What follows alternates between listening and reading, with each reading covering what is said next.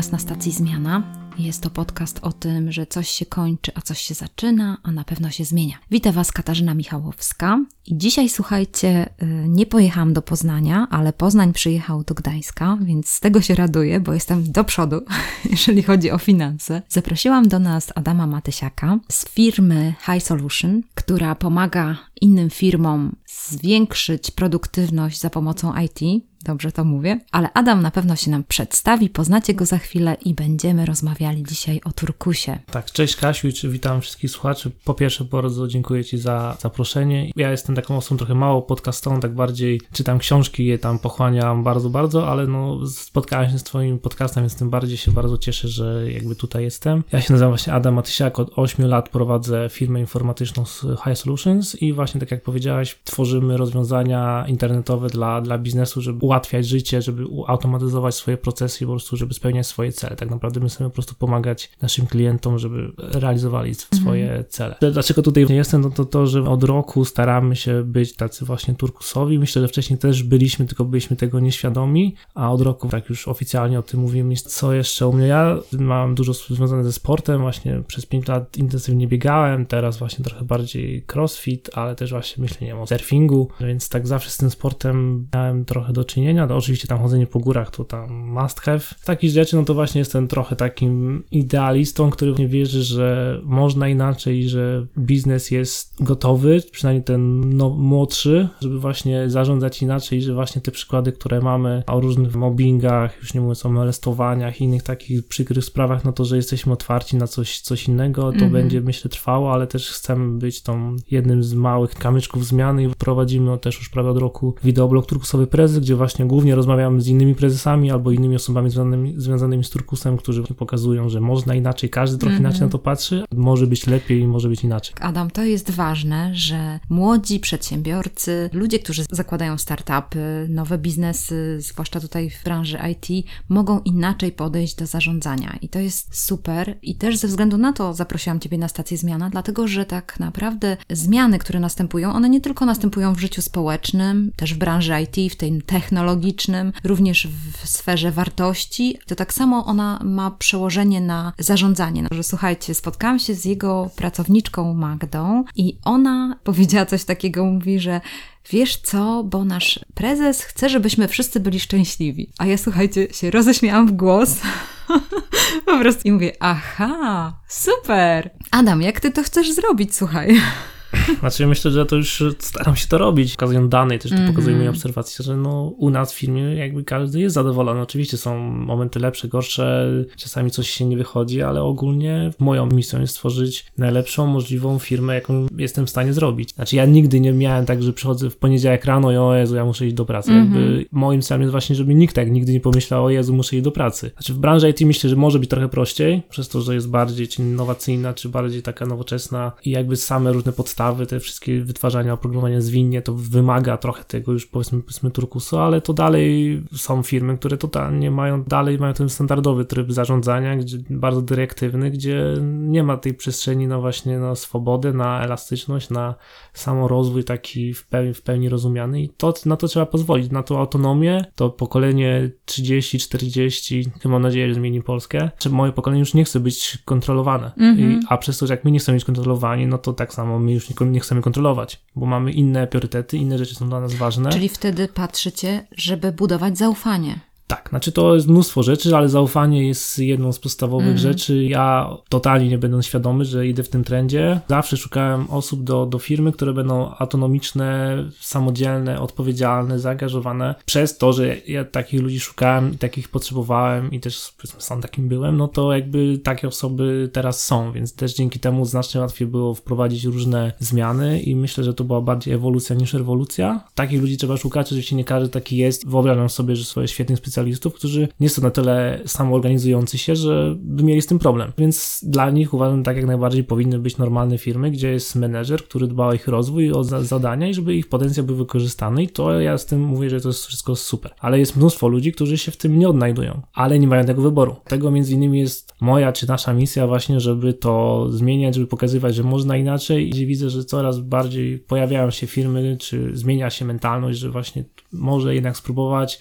Byłem na gościem na turkusowym śniadaniu w Warszawie i tam właśnie mówiłem o naszej transparentności, bo mamy wszystkie wynagrodzenia są jawne, wszystkie finanse jawne, wszystko w zasadzie w firmie jest jawne. Często dostawałem różne pytania, już nadal nie pamiętam jakie to były pytania, ale jak nie znałem odpowiedzi, no to w mhm. zasadzie, no bo to wynika z zaufania. I dla wielu ludzi to po prostu jest nie do pomyślenia. Jak można, jak może być tak, że każdy wie, ile kto zarabia w firmie, jakie są, każdy mhm. zna nasze stawki dla naszych klientów, każdy wie w zasadzie wszystko. Dla wielu to jest takie, że to jest niemożliwe, albo że to na pewno zaraz mi ktoś oszuka. Mhm. A, ale to właśnie kwestia, że no ja ufam, jeżeli ja nie mogę zaufać właśnie wszystkim współpracownikom, którzy razem pracujemy w firmie, no to komu ja mogę zaufać? To jest ta największa zmiana, a my jako w ogóle Polacy sobie nie ufamy, tak. a już w ogóle do państwa to już w ogóle sobie nie, nie ufamy, ale też powiedzmy, no niestety aparaty państwowe na to pracują bardzo intensywnie. Niestety. Mhm. Ale właśnie, więc jeżeli my nie zaczniemy właśnie w biznesie i od siebie samych, no to my nic tego nie zmienimy. Więc musimy zacząć sobie ufać, ale też zacząć od siebie wymagać tych dobrych wszystkich postaw. Mhm. Jak mówisz o tym turkusie, to fajnie by było, żebyśmy to mogli fajnie zdefiniować naszym słuchaczom, bo jedną z rzeczy, którą powiedziałeś, to jest to zaufanie. Czy są tam jeszcze jakieś elementy, które są takie charakterystyczne dla turkusowego zarządzania? Powiedziałbym, że ona się składa jakby z pięciu słów. Pierwszą to jest właśnie ta samoorganizacja, że musimy się samoorganizować, żeby właśnie móc y, lepiej pracować i to jest jakby pierwsze słowo. Z tego wynika to, że musimy przez to też sami partycypować, czyli każdy ma podejmuje decyzję, każdy bierze udział. Oczywiście ten, kto chce i w którym momencie chce, ale że jakby każdy ma prawo podejmować decyzję albo brać udział w tym procesie decyzyjnym to wpływa na to, że musimy być transparentni, czyli w zasadzie im więcej informacji jawnych, tym lepiej. Więc dlatego na przykład mamy w pełni jawne finanse firmy, wszystkie decyzje są jawne, są pisane, więc dzięki temu każdy może podjąć y, taką samą decyzję jak zarząd. Mm-hmm. Z tego wynika, że trzeba sobie ufać, więc bez zaufania to nic nie zrobimy. No, a zaufanie jest tylko jedną z kilku wartości, które każda firma powinna mieć i myślę, że to też wyróżnia turkusowe firmy, że te wartości są dla nich bardzo ważne. Taki koncept jak zarządzanie przez wartości to jest podstawa. Więc myślę, że te pięć słów bardzo dobrze pokazuje cały fundament turkusu, tak jak ja to rozumiem. Adam, e, chciałabym teraz zrobić krok do tyłu, bo ty jesteś e, raczej raczej z tego, co się dowiedziałam, to jesteś wykształconym informatykiem, czyli tak. y, skończyłeś Politechnikę Poznańską prawdopodobnie, tak. tak? Więc jesteś po Polibudzie, tak jak ja. I widzisz. lubię. Dokładnie. Więc jest taki jednak zero-jedynkowe podejście takich ludzi, bo też sama jestem taka, ale z drugiej strony miałam tak, taką potrzebę, żeby rozwinąć tą inną rzecz w sobie i podobnie widzę u ciebie, że jednak, no wiesz, te sprawozdania, pisaliśmy, robiliśmy laborki, pisało się różne programy. Chciałeś to rozwinąć, tą dziedzinę zarządzania. I to jest ciekawe, że jednak odkryłeś w sobie coś takiego, że, że masz taką potrzebę, żeby z tymi ludźmi się skomunikować. Co prawda, przeciwnie do tego stereotypu człowieka z IT, który jest taki zamknięty i z ludźmi nie chce gadać, tylko chce siedzieć przed komputerem, co oczywiście nie jest prawdą, bo to już nie jest w ogóle prawda o tej branży. Ja myślę, że trochę to też wymusiło to, że jakby no, od początku tworzyłem biznes. Jakby ja nigdy nie pracowałem tak naprawdę nigdzie indziej. Jeszcze na studiach Czy nie byłeś na etacie nigdy? Nie, nigdy nie byłem na etacie. Jak na czwartym roku studiów założyliśmy firmę firmę i od tamtej pory działałem w tej firmie. Byłem przede wszystkim osobą z IT, ale przez to, że wcześniej byłem trochę takim freelance, w zasadzie od czasów liceum byłem freelancerem, mm -hmm. no to mhm. musiałem umieć rozmawiać z klientami. Oczywiście no to było super słabe w porównaniu do tego, co robię teraz. Byłem ciągle przy tej sprzedaży, na spotkaniach z klientami, prowadziłem projekty jako project manager, więc tak naprawdę te umiejętności miękkie mi się bardzo musiały rozwinąć przez ten czas. No i w zasadzie teraz, jak właśnie w pełni odpowiadam za rozwój biznesu, za sprzedaż, teraz już mniej nawet za kwestie stricte IT. Oczywiście nie każdy to potrafi, ja myślę, że mam jakieś talenty w, te, w tej kwestii, czy mm-hmm. nie wiem, jest, skąd to, to tak naprawdę się wzięło, no ale właśnie z jednej strony jestem taką osobą właśnie bardzo analityczną, a, a z drugiej właśnie taką na frisie mam, że jestem też wizjonerem mocnym. To po prostu wyszło w praniu, mm-hmm. że mhm. po prostu to, co muszę akurat robić, żeby rozwijać firmę, no to to, mm-hmm. to mhm. robię, więc to tak bardzo też trochę zadaniowo, czy tak bardziej mhm. właśnie jaka jest potrzeba, to to robię. Nowoczesny powiedzmy szef, znaczy powiedzmy staram się, tak w ogóle nie używać tego słowa, bo jakby go nie lubię Znaczy tak samo nie lubiłem przez długi czas słowo lider, bo to też się w ogóle kojarzyło jakoś dziwnie, jakoś ale myślę, tak. że to najbardziej, mhm. to naprawdę odzwierciedla obecną moją rolę, że właśnie przez to, że musiałem zarządzać firmą i jeszcze czułem, że jakby coś tu jest nie tak, że ja tego nie potrafię, dlatego szukałem ludzi, którzy będą samodzielni odpowiedzialni, bo oni, -hmm. znaczy bardziej, że samodzielni odpowiedzialni, Aha. bo ja wtedy nie muszę nimi zarządzać. Tak. Więc jakby zawsze ja byłem taką osobą, która właśnie chciała wszystko delegować, się na maksa wspierać, dbać o rozwój, ale żeby każdy sam sw robił swoją pracę i jakby myślę, że to już ta moja turkusowość, znaczy moja, myślę, że moja turkusowość była już wcześniej, mam zidentyfikowaną, ale jako właśnie też taki redaktor naczelny małego magazynu internetowego w gimnazjum, No proszę to bardzo. i teraz patrząc wstecz, to właśnie widziałem, że mimo, że właśnie byłem pomysłodawcą, redaktorem naczelnym, głównym powiedzmy pisarzem jakichś tam prostych artykułów o internecie, o komputerach, no to, że ja starałem się tworzyć redakcję, która właśnie będzie w pełni samodzielna, którzy będziemy decydować razem, a nie będę tylko ja, więc myślę, że ja już to miałem znacznie wcześniej. Więc w firmie to samo próbowałem robić, no ale oczywiście w biznesie to musi być szef, musi być zarząd, który decyduje. Często się zamykaliśmy w pokoju w dwójkę, w trójkę i musieliśmy debatować i to było strasznie obciążające, bo myślę, że przedsiębiorca to jest najtrudniejszy zawód, jaki jest. Mm. Znaczy, wo- może są trudniejsze, ale to jest strasznie trudne.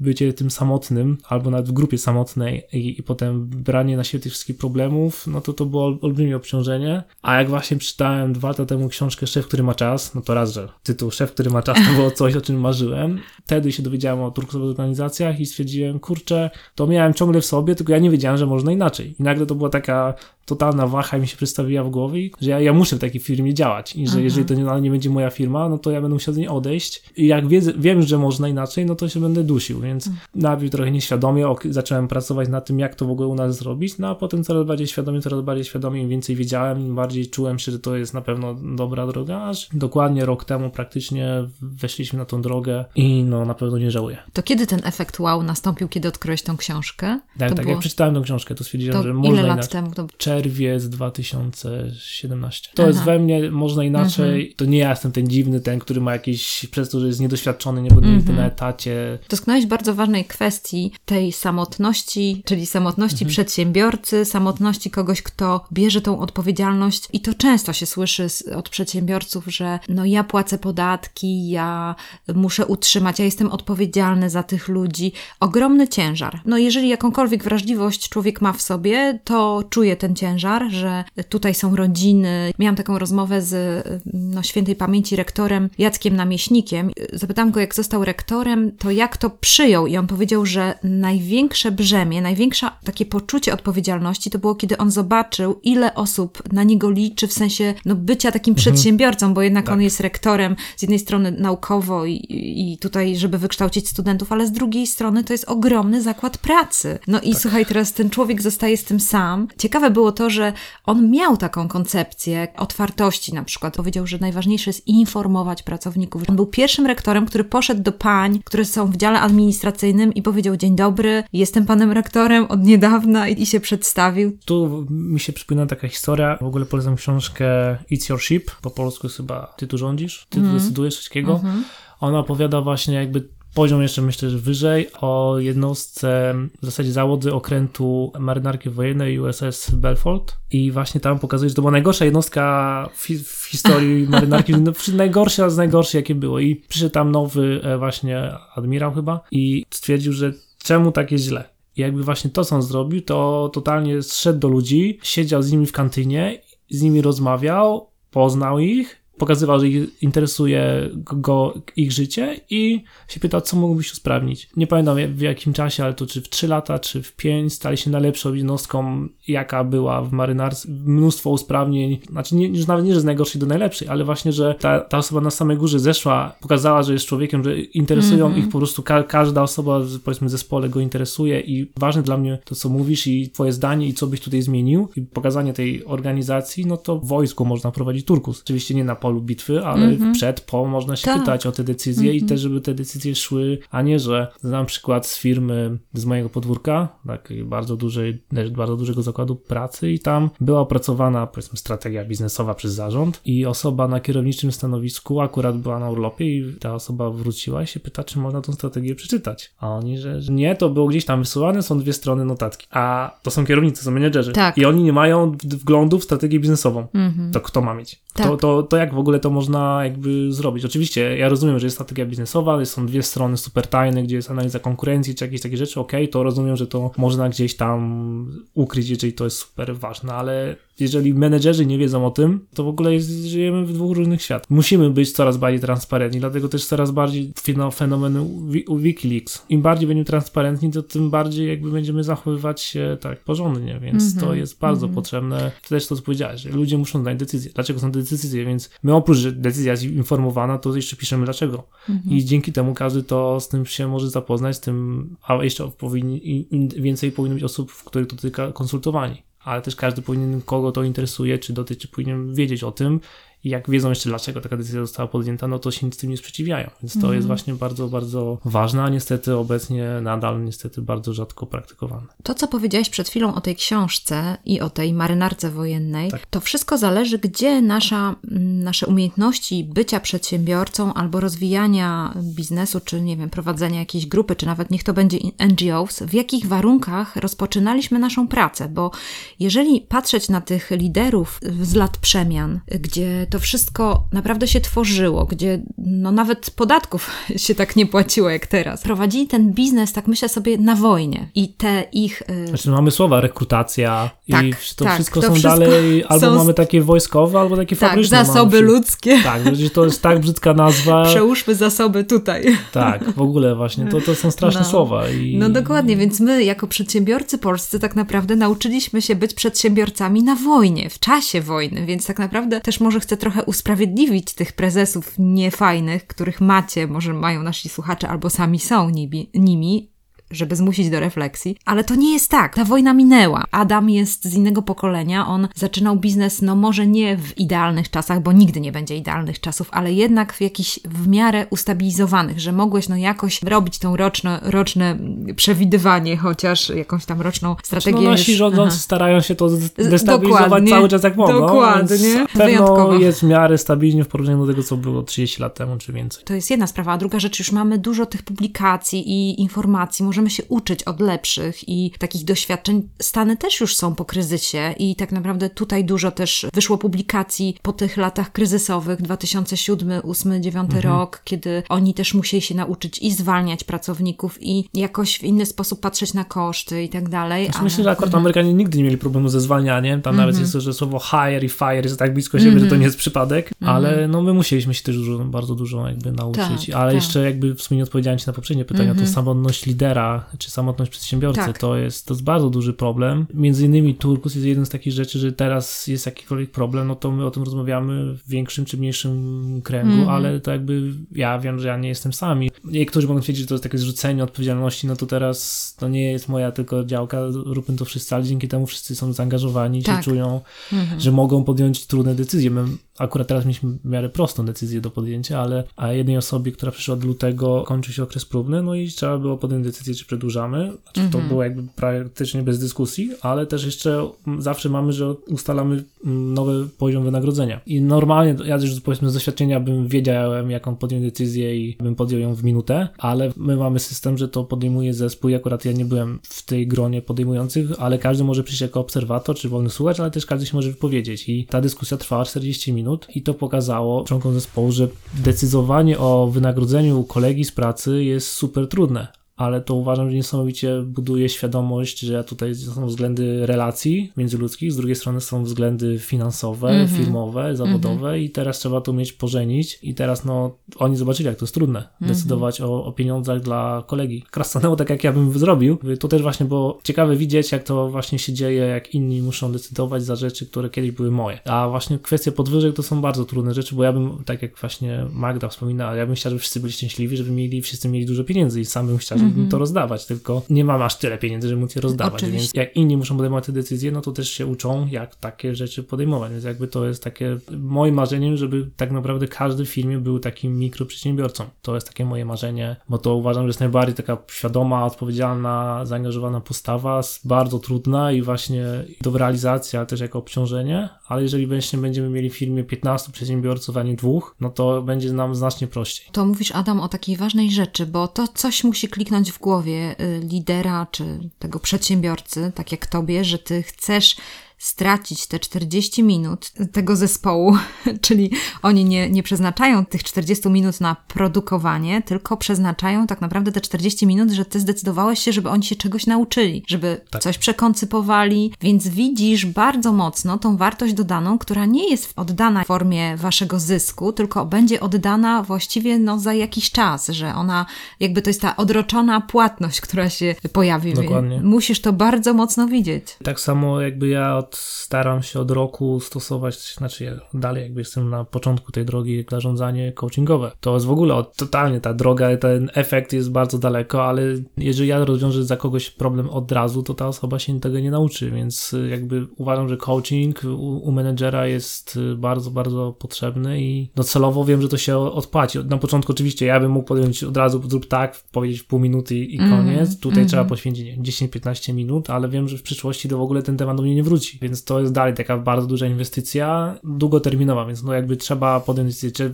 jesteśmy tylko tu i teraz chcemy, żeby e, ludzie rośli, też powiedziałem, że każdy był przedsiębiorcą, tak samo bym chciał, żeby każdy był tym liderem, bo wtedy może wziąć odpowiedzialność za jakiś proces, za jakiś projekt, a nie, że będzie każdy ciągle patrzył na kogoś innego, aż w końcu będziemy bierni. Nad biernością też pracujemy, stworzyliśmy ostatnio procedurę antybiernościową. Pięć st- kroków jest w trzech wielkich e, A3 papierach e, przyklejone na ścianie, że jak identyfikować bierność. I bo mieliśmy ostatnio właśnie case, że nawet ja się wykazałem biernością, wszyscy się wykazali biernością. Praktycznie mieliśmy wszystko dograne, jeden element układanki wypadł i właśnie jedna osoba stwierdziła, że tak w sumie powinno być. Jedna osoba stwierdziła z najbardziej zaangażowanych, że właśnie nic nie możemy zrobić, a ja się czułem zły. Aż wieczorem byłem w domu i się tak powiedzmy wychillowałem i nagle wpadło mi, że rozwiązanie, że przecież ja wiem czemu to nam to wypadło i że może spróbować. I spróbowałem, udało się. Powiedzmy, przyniosłem firmie tam trochę, trochę pieniędzy, ale przede wszystkim myślę, że to była olbrzymia lekcja dla nas, że każda z naszej trójki, która była zaangażowana z bardzo odpowiedzialnych, świadomych osób, wykazała zły styl myślenia. I że właśnie każdy z nas gdzieś y, popełnił błąd. To jest dla mnie jedna z największych lekcji, jaką do tej pory wyciągnąłem w biznesie, że żeby zawsze wyłapywać moment bierności i starać się coś z tym zrobić. I mamy właśnie, robiliśmy sobie procedurę pięciokrokową, żeby właśnie to wyłapać, na którym jesteśmy etapie i czy na pewno wszystko mamy pod kontrolą, czy, czy mamy wpływ na to, co ma, na, na co mamy wpływ, bo na wiele rzeczy nie mamy wpływu, ale czy na to, co mamy wpływ, to już zrobiliśmy i dzięki temu myślę, że no dużo, dużo będziemy w stanie zmienić i dużo rzeczy od razu procesu zmieniliśmy po tą procedurę, żeby właśnie wyłapywać momenty, kiedy ok, stwierdziliśmy, no to teraz niech klient decyduje, kiedy jeszcze mogliśmy coś zrobić. I to jest dla mnie wielka nauka. Cieszę się, że się udało akurat, ale jakby dalej, jak nawet by się nie udało, no to ten wniosek jest, jest duży i to są rzeczy, które myślę, że normalny film w ogóle nie pomyślą. Jak tutaj teraz w ogóle będziemy myśleć o bierności. A Tak. myślę, że to jest bardzo też ważne, to, no ale to jest mnóstwo rzeczy Tak. po prostu. To jest jeden z tych mnóstwa rzeczy. Masz rację, Adam, i tutaj dotykasz też kwestii, która y, tak siedzi mocno w człowieku, bo bierność. W Polsce to jest nazywane święty spokój, albo takie słowo jakoś to będzie. Albo, że moje Aha. to jest od A do Z A i tak, ja tak, nie, nie, muszę będę się więcej. wtrącał Tak, i tak dalej. Naprawdę ta proaktywność i takie łamanie się wewnętrzne, może taka nawet y, budowanie wewnętrznej dyscypliny, jest to bolesny proces. Myślenie, nie wiem, matematyka, rozwiązywanie zadań Ale to zawsze właśnie to, boli. co robi przedsiębiorca. Przedsiębiorca musi się starać tyle, ile może, wymyślać, szukać sposobów, jak osiągnąć swój Tak. cel i dlatego dla mnie to ja bym chciał, żeby każdy nie myślał o sobie jako pracowniku, tylko jako przedsiębiorcy, bo to jakby tak naprawdę każdy dotyka tych pieniędzy w firmie, czy to po prostu czy w sprzedaży, czy, w pro, czy przez produkcję, czy przez wsparcie tych osób, to jakby każdy ma wpływ na to, jak firma działa. Oczywiście w dużych firmach ten wpływ jest znacznie mniejszy, ale dalej jakiś tam, tam jest, więc dlatego właśnie ja bym chciał, żeby właśnie każdy chciał być tym przedsiębiorcą, a nie pracownikiem. W ogóle uważam słowo pracownik, ja go nie używam w, w kontekście mojego zespołu, bo uważam, że pracownik to brzmi dla mnie trochę jak najemnik i tak jak Niewolnik. tak, i że właśnie ja, ja uważam, że tak jak teraz się nam wydaje, że okej, prawa człowieka, prawa kobiet i w ogóle to jakby to jest y, już normalne, ale 100 lat temu to nie było normalne, więc tak samo myślę, że za 50 lat liczba pracowników, takich przez słowo pracownik, będzie znacznie mniejsza i że będzie się kojarzyć że jak niewolnik, trochę, że jak taki właśnie najemnik, więc mam nadzieję, że turkus czy różne rzeczy, które są związane obok tego, no to też właśnie zmienią to postrzeganie, że my teraz nie będziemy chodzić, sprzedawać naszego czasu 8-16, tylko będziemy się angażować w to, w co my wierzymy. I to jest w ogóle zupełnie inny styl myślenia. ludzie, którzy są, tak jak mówisz, tymi najemnikami i załóżmy jest, taki, jest taka umowa społeczna, okej, okay, ja przychodzę, robię swoje, wychodzę. Ty mi płacisz, jak nie zrobię tego dobrze, to ty mnie zwolnisz, ale tak naprawdę wszystko jest na twojej głowie, w cudzysłowie, więc jest, jest takie podejście. Drugie podejście, tak jak mówisz, to jest te inne, które ty prezentujesz, ale wydaje mi się, że trochę nowe technologie wyprą y, też te podejście. To są też takie zmiany społeczne, które wychodzą, dlatego że sztuczna inteligencja zastąpi te takie powtarzalne procedury. I tak naprawdę pracownicy zostaną ci w naszych firmach, którzy mają tą wartość dodaną, którzy na przykład dobrze prowadzą zespół, albo są kreatywni, albo mają umiejętności tej komunikacji z innymi. To są te tak zwane rzeczy, na które do tej pory nie mieliśmy czasu, bo zazwyczaj mamy tam w tej liście tu duże, no zadzwonić tam z kimś, porozmawiać, nie wiem, tam z jakimś działem marketingu, spotkać się na kawę z nimi, żeby, żeby popatrzeć im chwilę w oczy i się dogadać. Zazwyczaj na to nie ma czasu, bo tu trzeba lecieć i pity składać albo tam jakieś ZUSy czy cokolwiek, nie? Więc to jest to takie odwrócenie zupełnie, tak. ale wydaje mi się, że IT bardzo na to wpłynie. Tak, mam, mam taką nadzieję, bo ja w ogóle mówię, że uważam, że ludzkość nie jest stworzona, by siedzieć na kasie w Biedronce mm. albo odbierać telefony, że zablokowało mi się konto. Mam nadzieję, że jesteśmy stworzeni do czegoś bardziej ambitnego. Mamy obecnie jeszcze wielką rzeszę ludzi, którzy tak naprawdę no nie są w stanie właśnie pracować czy na relacjach, czy kreatywnie. Tak. I to jest właśnie ten problem, że właśnie niestety ten czas musi minąć i te osoby obecne, właśnie to pokolenie powiedzmy młode, będzie to właśnie kreatywne i takie właśnie nowoczesne, a to stare, no niestety musimy je umieć y, wspierać, ale oni się nie odnajdą na nowym rynku pracy. Ta sztuczna inteligencja, czy robotyzacja, czy automatyzacja wyprze te właśnie nudne rzeczy, których my nie chcemy, mm -hmm. a będziemy robić właśnie te kreatywne, fajne, ciekawe i będziemy musieli to sobie wymyślić. Oczywiście to jest olbrzymie, są zagrożenia, ale to jest wyzwanie, które spowoduje, że wszyscy ludzie będą robić fajne rzeczy. To, a, nie, że, a że nie, że właśnie sprzedawanie takiego swojego czasu. Znaczy teraz bardzo popularny się stał się model, żeby właśnie pracować, nie wiem, 6 godzin, chyba skandynawski, że 6 godzin dziennie. My w firmie teraz zaczynamy myśleć, czy nie no, zrobić pełnej regulacji czasu pracy. Pracujesz tyle, ile uważasz, że powinieneś. Mm -hmm. I to jest oczywiście no, bardzo dużo wynika z zaufania, ale to też jest właśnie myślenie przedsiębiorcze. Jak ja jestem przedsiębiorcą, to ja robię to, co uważam za słuszne. Czasami będę pracował 15 godzin, bo jestem na konferencji, networking w ogóle, a czasami no, będzie to 4 godziny, a nie właśnie takie sztuczne, nie wiadomo skąd wzięte 8. I właśnie myślimy nad tym, będziemy pewnie chcieli to wprowadzić czy od czerwca, czy od lipca właśnie jako eksperyment, zobaczyć jak będziemy się reagować i czy w ogóle będziemy potrafili zmienić swoje przyzwyczajenia, ale uważam, że takie siedzenie tak zwanych dupo godzin, mm-hmm. e, a tu już, no już skończyłem, a jeszcze mam w sumie 40 minut i tu będę siedział i pozorował pracę, to uważam, że jest totalnie bez sensu i właśnie pozwolenie na to, że po prostu okej, okay, ja tu sobie mogę wyjść wcześniej, najwyżej tu odrobię, albo w ogóle okej, okay, siedzę tyle, ile trzeba, zrobiłem wszystko, już nie ma w ogóle sensu zaczynać, no to musimy w tą stronę iść. Wyobraź sobie, oczywiście czasami jest praca, że jest 10 godzin, 12 i zdarza się i trzeba to też z tym wyciągać wnioski, czemu tak było i żeby tak nie było. My nad czymś takim myślimy i mam nadzieję, że to przyniesie dużo fajnych efektów. Dalej to jest eksperyment i to też dużo, bardzo dużo, wszystko zależy od ludzi. Mhm. Znaczy organizacji pracy, firmy, ale też bardzo dużo od ludzi. Nawet jak to wprowadzimy, za dużo się nie zmieni, ale mimo wszystko myślę, że ten komfort, ok, jest super pogoda, już naprawdę już nie jestem w stanie myśleć, wyjdę sobie tą godzinę wcześniej, bo i tak nie mam nic już do zrobienia, no to, to już jest jakaś właśnie swoboda, też właśnie odpowiedzialność i też podniesiemy też poziom czy to świadomości, czy satysfakcji z życia, czy z pracy. Mm. Więc tak. Właśnie to jest ciekawe, że y, ja tak czasami obserwuję dziennikarzy i mam takie swoje powiedzenie, że są dwa rodzaje dziennikarzy. Są dziennikarze, którzy piszą szybko i są dziennikarze, którzy piszą wolno. Więc tutaj też nie można jakoś ich y, sklasyfikować, powiedzieć, że ty na ten artykuł masz 4 godziny, tak. a, y, i ty również masz 4 godziny. No nie da rady, bo każdy jest inny, więc to rozumiem, że to jest takie spojrzenie na kształt człowieka, jaki on jest, no i ten, który taki będzie szybszy w tej pracy, co prawdopodobnie może się też przełożyć na jakość, bo czasami są takie osobowości, które szybko tematy załatwiają, ale one może nie są tak jakościowo dopracowane. Załóżmy ta, ta mhm. czystość kodu, tak jakby mówić, nie? że jeden ten kod będzie tam tak cyzelował i będzie zawsze czyściutki, a drugi zrobi to szybciej, tak, ale to jest pytanie o co chodzi. Tak, nie? myślę, że tu jest ważne no. mieć też tą granicę good enough, mm że no nie musimy, tak. bo są właśnie w programowaniu to już jest w ogóle bardzo takie widoczne, że ktoś zrobi coś, powiedzmy w godzinę i to zrobi, że coś tam potem musi poprawić, ale na tym powiedzmy polega zwinne wytwarzanie programowania, ktoś będzie to samo robił przez 5 godzin, tak. żeby nikt się nie mógł czepić i jakby to nie jest produktywne. I tak samo w, czy w dziennikarstwie, czy w marketingu to to też jest, że ja potrafię napisać artykuł w godzinę i myślę, że on jest całkiem dobry, ten powiedzmy poziom ma good enough, ale są inne osoby z marketingu, czy z innych działów, czy które będą pisać 5 godzin, czy 8 godzin i to dla nich na przykład wtedy dopiero będzie good enough. Jeden z naszych słuchaczy zadał takie pytanie, myśląc o tym, że jest przedsiębiorcą, która jest związana z branżą taką y, usługową do ludzi, czyli tam taka, no bardziej bym powiedziała, no skills branży budowlanej. Mhm. Czyli załóżmy, pracujesz z ludźmi, którzy wykonują usługi dla innych, na przykład w postaci budowlanych spraw. No i ja tak sobie myślę, no tak, dobra, no my w IT, czy załóżmy, jak ja jestem redaktorem, no to jest pytanie, jak przełożyć takie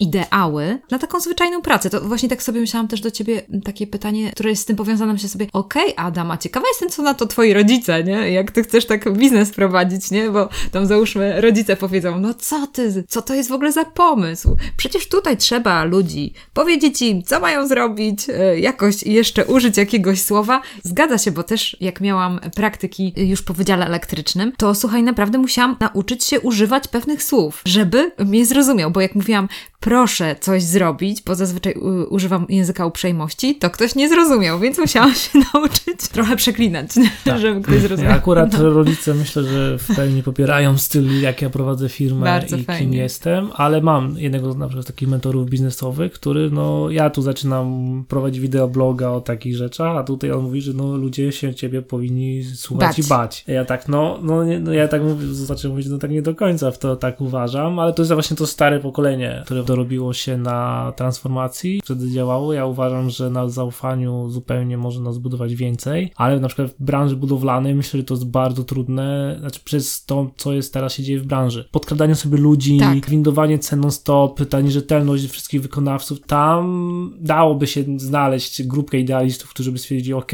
tworzymy firmę turkusową, budowlance i działamy, ale to myślę, że jest bardzo, bardzo trudne. To pewnie długa droga, pewnie mm -hmm. myślę, że kolejny kryzys budowlany dopiero wtedy powstaną takie mhm. firmy, które będą... Ale wiesz co, Adam, mam taką myśl, że może nie, nie wziąć case branży budowlanej, ale na przykład branża mechaników samochodowych. I powiem Ci, że mam już takie obserwacje, że mam na przykład ulubionego pana mechanika samochodowego, do którego jeżdżę i jest tak uprzejmy, a też ludzie, którzy są y, u niego, pracują, też są uprzejmi. On ma bardzo dobrze warsztat wyposażony, on jest czysty, ładny i myślę sobie, co ten facet robi? Powiem Ci szczerze, że chciałabym go zapytać w mhm. ogóle, jak to pan zrobił, że nie ma przekleństw, nie ma jakichś tam, wiesz, zazwyczaj jakichś rozebranych kobiet i kalendarz, to jest standard. Tak. On to umiał zrobić, wiesz, że i tych panów, których przyjmuje, oni też są tacy uprzejmi jak on. Tak, ja myślę, że to jest trochę z tym, że tak jak ja powiedziałem wcześniej, że ja szukałem odpowiednich ludzi i no że właśnie. jeżeli Oczywiście takich ludzi powiedzmy jest mniej na rynku niż mhm. normalnych powiedzmy, ale jeżeli on chciał tak stworzyć i okej, okay, mam taką wizję, że to będzie moja przewaga konkurencyjna, bo ja uważam, że kultura organizacyjna jest przewagą konkurencyjną, to jeżeli ja poświęcę trochę czasu, ale znajdę tych pięciu mechaników, którzy będą chcieli właśnie się trochę dostosować, trochę właśnie będą mieli te wartości, które ja mam, to stworzymy znacznie lepsze miejsce pracy, a przecież w pracy spędzamy jedną trzecią życia. Szkoda pracować z kimś, kim się nie dogadujemy, czy ktoś do nas nie pasuje, więc jako przedsiębiorcy właśnie mamy łatwość, żeby znaleźć takich ludzi, ale właśnie w takich organizacjach już bardziej nowoczesnych, no to też ludzie sami mają wpływ na to, kogo -hmm. zatrudniają. U nas na przykład ja już jestem po, totalnie poza procesem rekrutacyjnym, jestem tylko na tym ostatnim etapie, że żeby się z kimś tam zapoznać i podpisać dokumenty. Te moje wartości są,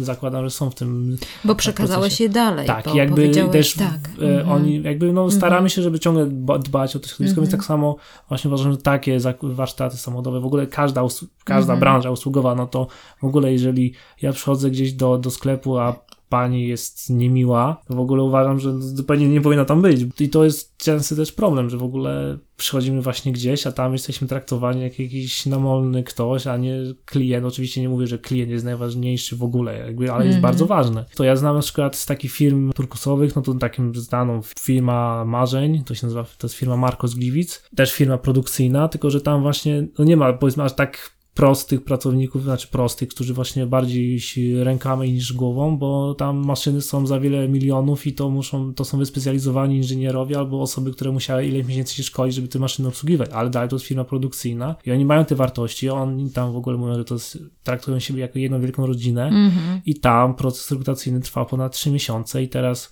to jest dla mnie super, że chcą wypuścić 4-godzinny do, film dokumentalny o ich firmie i że kto tego nie obejrzy, to nie przechodzi dalszego procesu rekrutacji I to jest dla mnie w ogóle marzenie właśnie, że mieć takie sito, że tylko rzeczywiście osoby naprawdę zaangażowane, żeby to właśnie szły i chciały iść do firmy. Że to jest właśnie też droga, gdzie będziemy szli, że tak naprawdę to też to, co firmy są reprezentują, no to ludzie będą się do nich zgłaszać, a nie, że sobie wysyłam CV do jednej po prostu z kolejnej i, i nawet nie spojrzę, jak jedę na, na rozmowę rekrutacyjną, co to za firma. Mhm. Więc myślę, że to też musi, no ten rynek cały musi się tam zmienić, Mhm. bo ludzie są bardzo ważni, ale to, co reprezentują firmy, to one muszą inspirować do czegoś, a nie, że idziemy, strzepiemy 8-16 i z tego nic y, Mhm. nie wychodzi, więc to myślę, że dużo rzeczy Tak. będzie się musiało zmienić i po stronie przedsiębiorców, ale też po stronie ludzi, bo nas w szkole pracy to nas nie uczą w ogóle, czy na studiach, nas nie uczą ani pracy zespołowej, Nie. ani odpowiedzialności. No w ogóle nie, no najchętniej ja coś zrobię, ale to odpowiedzialny jest menedżer. Więc to jest, to jest niesamowicie trudne,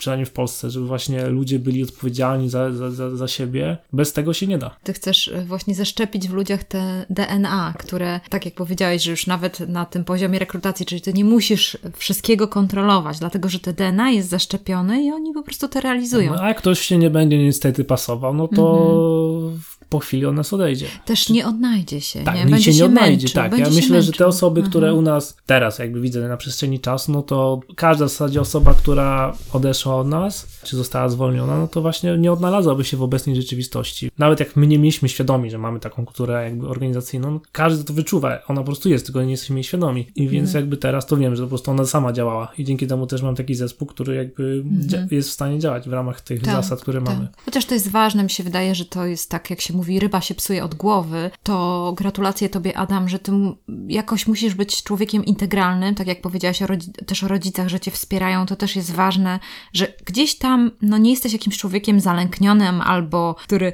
jest przerażony, że inni chcą go oszukać, czy nie masz też jakiegoś, nie, nie możesz mieć w głowie jakiegoś y, teorii spiskowej dziejów i tak dalej, więc to powoduje, że chcesz wychodzić do innych, że chcesz im zaufać, że chcesz im to dać, Tak. to mi się wydaje, że to jest bardzo ważna ta praca własna Tak, znaczy, no, pff, myślę, że rok 2018 to ja się nauczyłem więcej o kwestiach kompetencji miękkich niż przez całe wcześniejsze życie. Czy to czytając, czy doświadczając y, turkusu, mnóstwo rozmawiając z innymi ludźmi, myślę, że tutaj, ale no myślę, że wychowanie też jest ważne. No ja mam, no, mam duże szczęście, że mam takich rodziców, jakich Mm. mam. Myślę, że właśnie też to, że moja mama w zasadzie rzuciła doktorat i poświęciła się wychowaniu dzieci, no to powiedzmy taki stereotyp matki Polki, ale ta, ta miłość, no to jakby ją jakby czuję ją w sobie zawsze. No mój tata to jest człowiek wielu talentów, bo też właśnie skończył stu, studia ekonomiczne, potem sam się nauczył informatyki, Mhm. sam wybudował dom. Teraz oprócz tego, że jest informatykiem, to pisze książki, już chyba 6 czy 7 napisał książek, jest reżyserem, scenarzystą przedstawień teatralnych. Jest taką właśnie dla mnie jest człowiekiem renesansu i myślę, że no ja nie jestem aż tak uzdolniony jak, jak on, ale myślę, że no to wszystko właśnie to bycie wszechstrony, no to też mam od niego i tak myślę, że styl myślenia też mam trochę od niego, ale przez to, że właśnie jestem tam pokolenie niżej, to trochę patrzę na świat jeszcze właśnie bardziej, jeszcze bardziej otwarcie. A czym być może to jest tak, że jeszcze nikt mnie po prostu nie oszukał. E, I że jak się raz nas ktoś oszuka, no to się zamykamy, wtedy więc, tak, więc tak, tutaj jakby tak, trochę mam, dokładnie. może mam po prostu dużo szczęścia, Mhm. albo dalej jestem po prostu taki, nie chcę mówić, że naiwny, ale taki Mhm. właśnie idealistyczny. To znaczy, Adam, ja ci powiem tak, z doświadczenia, jeżeli mogę ci takiego tipa sprzedać nasza, na naszej stacji Zmiana, Mhm. myślę sobie tak, zdarzy się tak, że ktoś cię oszuka, zdarzy się tak, że po prostu zostaniemy zdradzeni albo oszukani, ale jest coś takiego jak przebaczenie. I po prostu to, że to nie jest prawda o całym świecie. Wszyscy I później przyjmują tak, jako na przykład, takie, nie, tak. dokładnie, że to się przyjmie na cały świat, więc jeżeli, ale dlatego y, się pozwala na wyhodowanie takiego korzenia goryczy w sobie, z powodu tego, że nie chcemy tego odciąć i karmimy się tą, jakby tą żółcią, nie? Więc to jest taka jednak decyzja w człowieku, że przebaczam, mimo to, że boli, bo wtedy ta rana zacznie się goić, nie? Tak, no to jest taka właśnie kwestia dojrzałości, żeby Tak. sobie przyprac- przepracować kwestie i pójść dalej, więc no, Mhm, bo tak, tak. samo w ogóle ja uważam, że akurat myślę, że właśnie to zacząłem mówić, że mam mnóstwo zmian, to jest też jeszcze myślę, że jest też efekt coachingu od kwietnia zeszłego roku, czy już ponad rok właśnie mam, mam coaching. Na szczęście mam teraz jeszcze sytuację, że ten mój coach jest teraz u mnie już w firmie od Mhm. właśnie trzech miesięcy, więc jakby mam cały czas ten rozwój, ale też jakby swoją świadomość cały czas przepracowuję i też swoje ego. Znaczy myślę, że mam i tak dosyć prosto w porównaniu do innych ludzi z tym, ale Mhm. dalej jakby praca Mhm. nad sobą, nad ego, nad świadomością jest, jest bardzo Mhm. duża i ważna i bez, bez Tak. tego to nie jesteśmy w stanie pracować na takim poziomie i po prostu właśnie stwierdzić, że rzeczywiście ktoś inny może mieć rację, że to nie tylko my mamy rację. W ogóle zakładanie, że inni mają dobre intencje, to jakby to mnie podstawa, ale to dalej, to też nie jest u nas normalny wśród Polaków, że zakładamy, że ktoś ma dobre intencje. Tak. Myślę sobie też o tym, że musicie jakoś ludzi inkubować, w sensie takim, że jeżeli ktoś przychodzi do Was, a jest z pokolenia takiego, że młodszego, czyli Mhm. wychowanego w taki sposób, jak mówisz, no, w klasycznej edukacji, to z pewnością on będzie oczekiwał, klasycznie będzie podchodził, tak jak do nauczyciela, że nauczyciel każe, to on robi. Mhm. I Prawdopodobnie jest tak, że jeżeli oni przyjdą, ale będą mieli potencjał, że ty zauważysz w tym człowieku, że on ma jakiś potencjał, że, że on będzie pasował do tej firmy, no to musisz go jakoś nauczyć tego.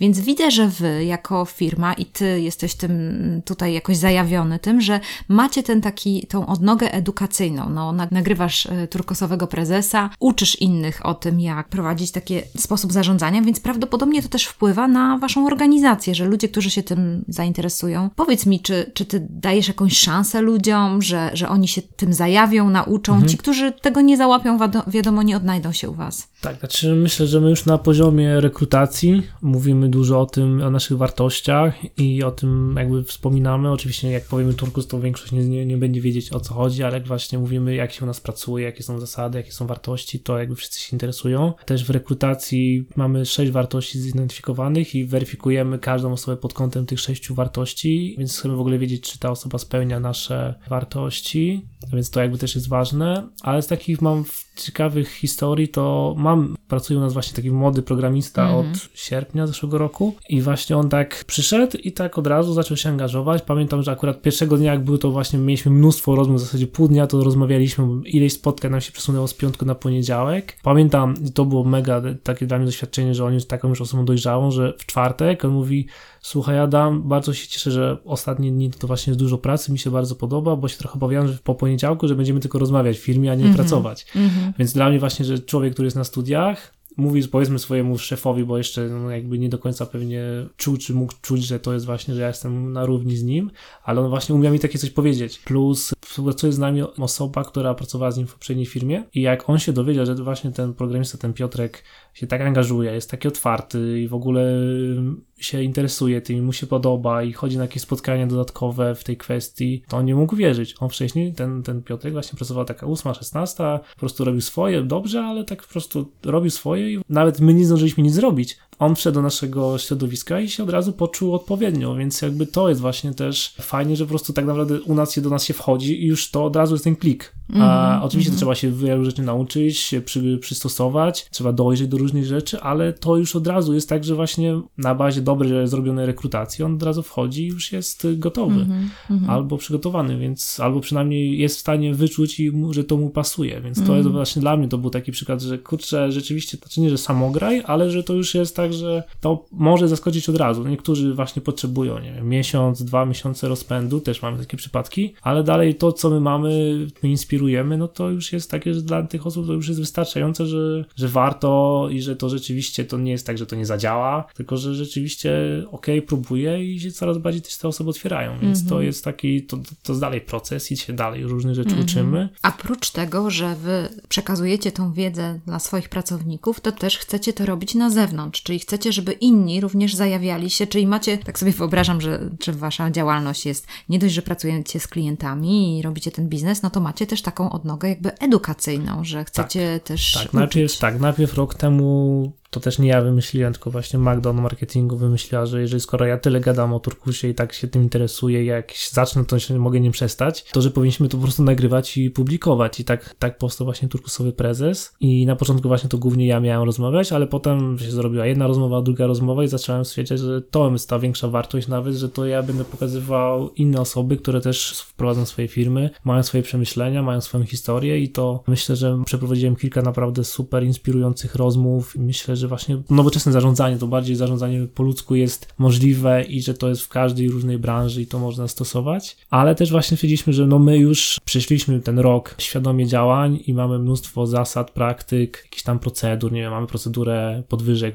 ustaloną, mamy, jak, mamy całą historię, wiemy jak zrobiliśmy transparentność pełną finansową w firmie, mamy inny trochę model wynagradzania się niż normalnie, mamy też procedurę zwalniania, jakby zatrudniania, jakby mamy jakby mnóstwo rzeczy takich, powiedzmy tak jak tych zadań menedżerskich, mamy już rzucone na jakby na forum zespołu, mamy ileś doświadczeń, no to jeżeli inne firmy też y, będą chciały działać, no to my już mamy to doświadczenie i po prostu będziemy chcieli im pomagać, więc to jest takie też myślę, że po prostu naturalna jakby droga, czy trochę też rozwoju biznesu, ale też właśnie dalej my chcemy pomagać naszym klientom, więc tutaj też jest pomaganie innym, Mhm. inaczej trochę, ale no my już to przeszliśmy, więc czy to jest firma, która dopiero myśli o tym, czy to już dopiero zaczęła i ma jakiś z czymś problem, no to my już mamy to doświadczenie, oczywiście na poziomie roku, bo na przykład firma Marco to właśnie oni już to robią 19 lat i oni też robią szkolenia, tylko bardziej to jest taki, że przychodzisz, patrzysz jak jest u nich super i dostajesz wiedzę odnośnie rekrutacji, masz godziny z prezesem i jakby chłonisz ten turkus, ale my właśnie chcemy być tym krokiem drugim, że już nie tylko to wchłoniesz i okej, podejmujesz decyzję, że idziesz, tylko że już okej, to jak to zrobić? I my właśnie tutaj nawet chcemy robić cały proces szkoleniowy, który może trwać i parę lat, a my też będziemy ciągle się rosnąć i będziemy coraz bardziej doświadczeni i mam nadzieję, że lepsi, ale właśnie to jest to, że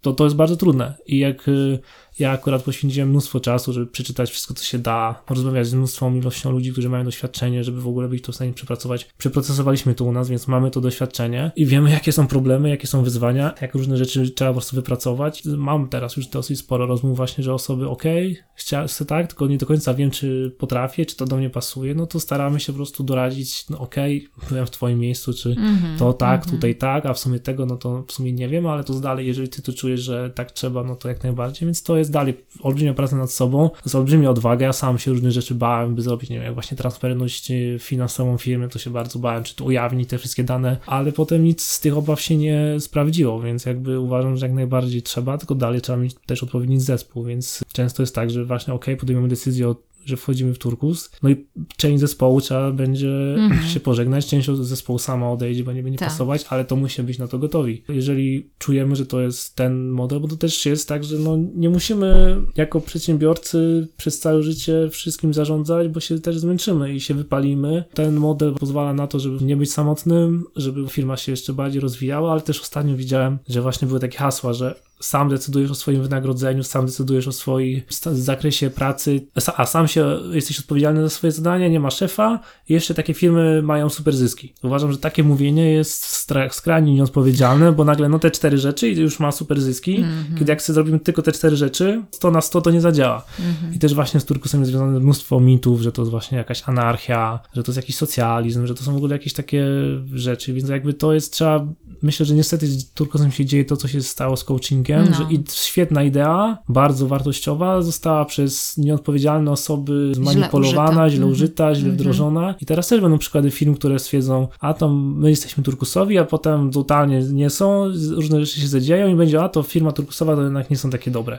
To też nie jest to, że nagle będziemy firmą turkusową, to nagle będziemy najlepszą firmą na świecie i to już jest wszystko wtedy super, ale no myślę, że gdyby odsetek firm turkusowych był trochę większy, no to na świecie byłoby lepiej, a przynajmniej osoby, które by chciały pracować w takich firmach, to by miały wybór, bo teraz nie mają. Więc myślę, że to trzeba też być odpowiedzialnym, a niestety temat się robi bardzo popularny, więc ja wszystko, co robię, staram się robić bardzo odpowiedzialnie, a przede wszystkim mówić no, w praktyce tak, jak jest, a nie, że ja sobie czytałem jedną książkę Lalu i teraz wszyscy traktują to jako Biblię i słyszę jakiegoś krytyka turkusu, który przeczytał tylko właśnie książkę Lalu i stwierdził, że to jest sekta i to w ogóle to nie może działać, bo patrzy ze swojego filtru takiego tego typowego, korporacyjnego, no to, to w ogóle to, to jest na maksa też nieodpowiedzialne, więc jakby trzeba o tym, o tym dużo mówić i o to też walczyć, o to dobre imię, ale myślę, że póki mogę, to staram się to jeszcze ratować, czy po prostu właśnie mówić jak jest. Inny zarzut duży to jest to, że to nie jest metoda biznesowa, bo tam nie ma konkretnych zasad. To jest po prostu to jest w ogóle coś innego niż lean, niż wszystkie inne rzeczy, które znamy normalnie z teorii biznesu, bo to jest kwestia świadomości, to Tak. dotykamy w ogóle zupełnie czegoś Innych innego, kwestii. Ale tutaj nie ma rozwiązań.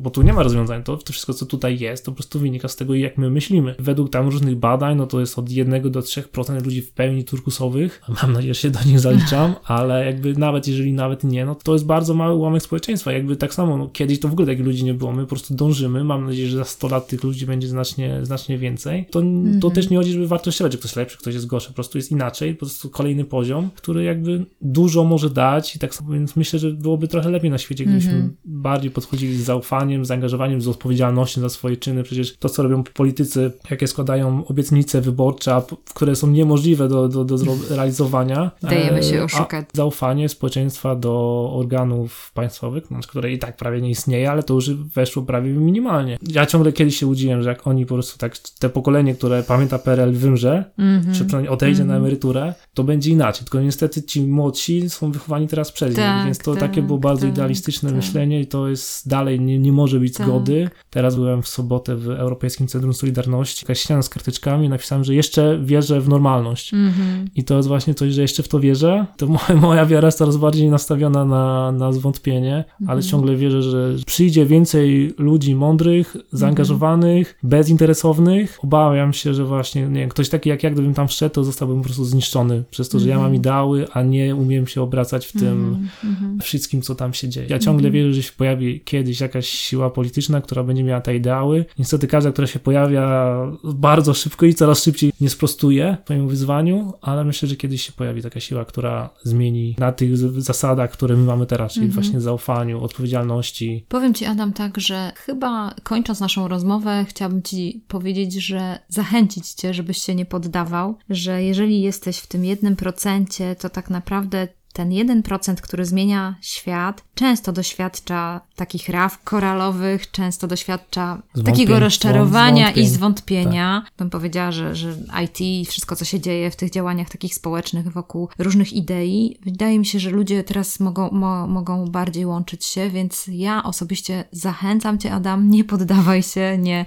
nie rezygnuj z tego i mimo tego, że jesteś smutny, mimo tego, że ten smutek pojawia się i to, co się dzieje, smuci nas, to po prostu płacz, daj sobie możliwość, żeby to wypłakać, ale kiedy wypłaczesz, to przyjdzie znowu radość i znowu przyjdzie nadzieja i to, że można zmienić świat na lepsze, żeby szukać tych ludzi, którzy są lepsi, szukaj tego jednego Tak, procentu. znaczy no myślę, że no, żeby być szczęśliwym, to też trzeba wcześniej zaznać smutku. Nie? Ja Tak. nie uważam siebie za osobę teraz, nie wiem, smutną, tylko właśnie, no powiedzmy, ten weekend był dosyć nostalgiczny, czy to właśnie przez ECS, czy właśnie przez, mam nadzieję, że bardzo dużo zmieniający film dokumentalny Sekielskiego i mam nadzieję, że to zmieni przynajmniej ten mały kamyczek, który jakby też jest dosyć problematyczny i że niezgoda w narodzie będzie, będzie rosnąć i mam nadzieję, że będziemy szli w dobrą stronę, ale no to wszystko jakby trochę zależy od nas, trochę nie zależy i po No prostu tak, no, to, tak. co możemy, to właśnie nie bądźmy bierni, Tak. tylko to, co od nas zależy, to, to No, starajmy bądźmy się robić i, i Mhm, tak, więc mam nadzieję, znaczy ja dalej mam tą wiarę i myślę, że zawsze ją będę miał. Co można zrobić samemu, to, to, to róbmy. Mhm, dokładnie. Jedną z rzeczy jeszcze taką, y, taką myśl,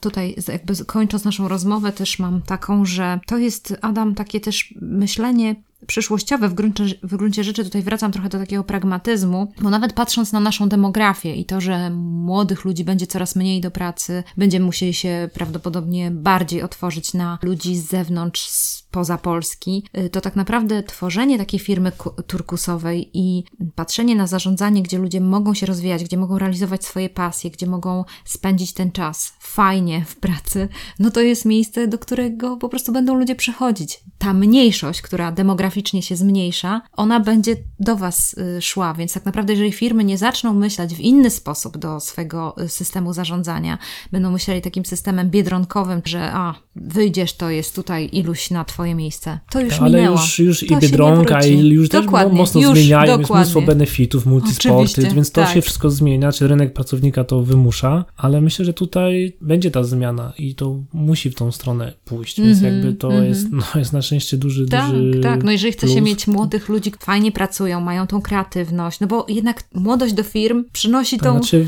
znaczy we wszystkich radość, teoriach y, motywacyjnych no, jesteśmy najbardziej zmotywowani wtedy, kiedy samo się, sami się realizujemy, kiedy Mm. jesteśmy najbardziej zmotywowani, a żeby to osiągnąć, to właśnie musimy mieć tą autonomię, decyzyjność, robić to, co lubimy i wykorzystać nasz, potenc- nasz potencjał, więc tylko w takim środowisku będziemy w pełni zmotywowani. Myślę, że im więcej będzie świadomości, że można inaczej, że są inne firmy, albo jak już ludzie tego doznają, to już nie wrócą do takiej typowej i będą albo będą chcieli to bardzo zmienić tam, gdzie Dokładnie. będą, więc to jest właśnie taki pozytywny wirus zmiany, Mhm, który pójdzie mhm. i mam nadzieję, że to wszystko pozmienia i właśnie wszystkich tych zatwardziałych szefów im udowodni, że słuchaj, możesz im zaufać. Nie wiem, takie duże firmy jak nie wiem, LPP zaczyna mówić o Turkusie Mhm, i to jest y, super. Jest firma Sodexo w Polsce, która ma chyba 2 czy 3 tysiące, 2 tysiące chyba osób i też mają Turkus. Mhm. Jakby to jest właśnie, że już nawet można w tych dużych firmach. W Gdańsku właśnie mamy na przykład PKS Gdańsk-Oliwa, którzy mają 300 osób i oni też od dwóch lat w tą stronę idą, więc to są właśnie takie bardzo fajne przykłady, że to też są już w dużych firmach, a nie tylko w małych firmach i to tylko w IT.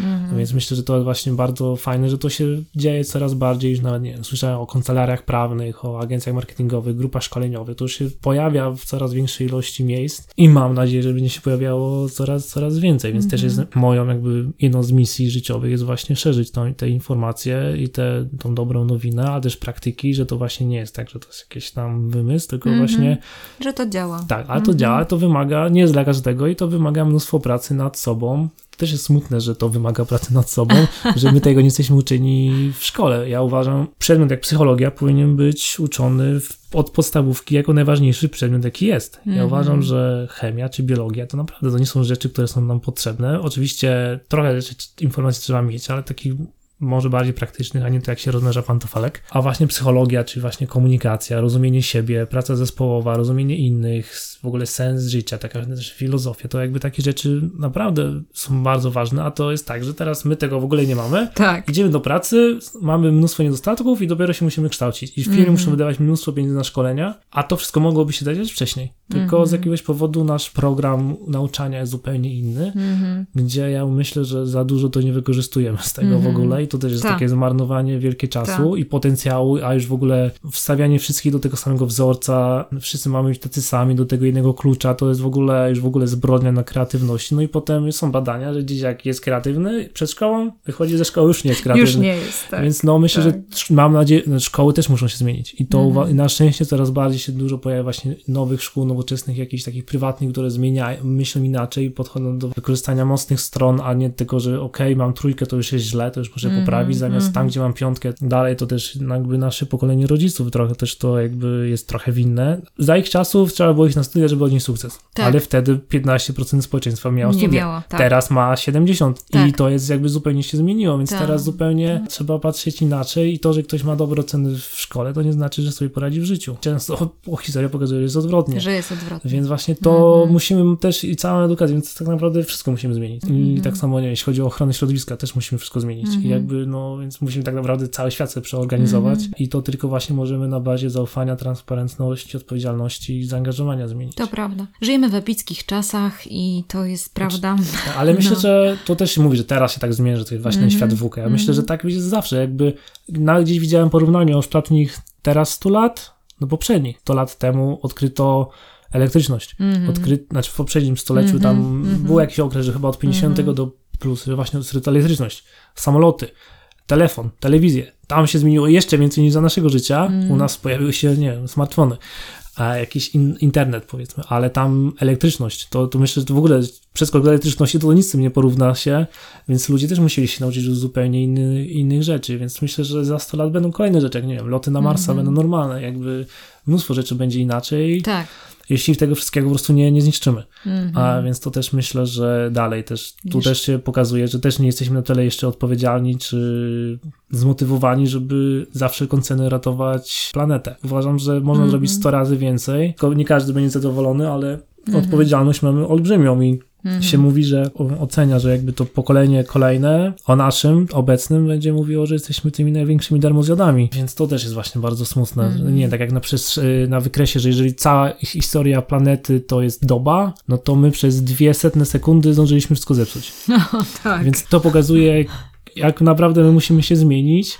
I też właśnie nie wiem, koncepty właśnie takich zielonych miast, gdzie jest mnóstwo zieleni, gdzie w zasadzie głównie dominuje zieleń, a nie miasta czy budynki, no to to jest właśnie coś, co musimy zmienić i rozmawialiśmy, czyli właśnie ta sztuczna inteligencja, automatyzacja, no mnóstwo rzeczy nie będziemy już musieli robić, więc będziemy mogli się skupić na rzeczach bardziej przydatnych społeczeństwu, będziemy mogli się więcej, nie wiem, dbać o robić po prostu dobrych rzeczy, a nie tylko za, w pogoni za pieniędzmi, to dalej totalna reorganizacja świata, ale no docelowo musimy to zrobić, bo, bo jak będziemy tylko ciągle gonić za pieniędzmi, to umrzemy. Tak samo kwestia stresu. Kiedyś stres się pojawiał wtedy, kiedy albo my coś goniliśmy, albo coś nas goniło.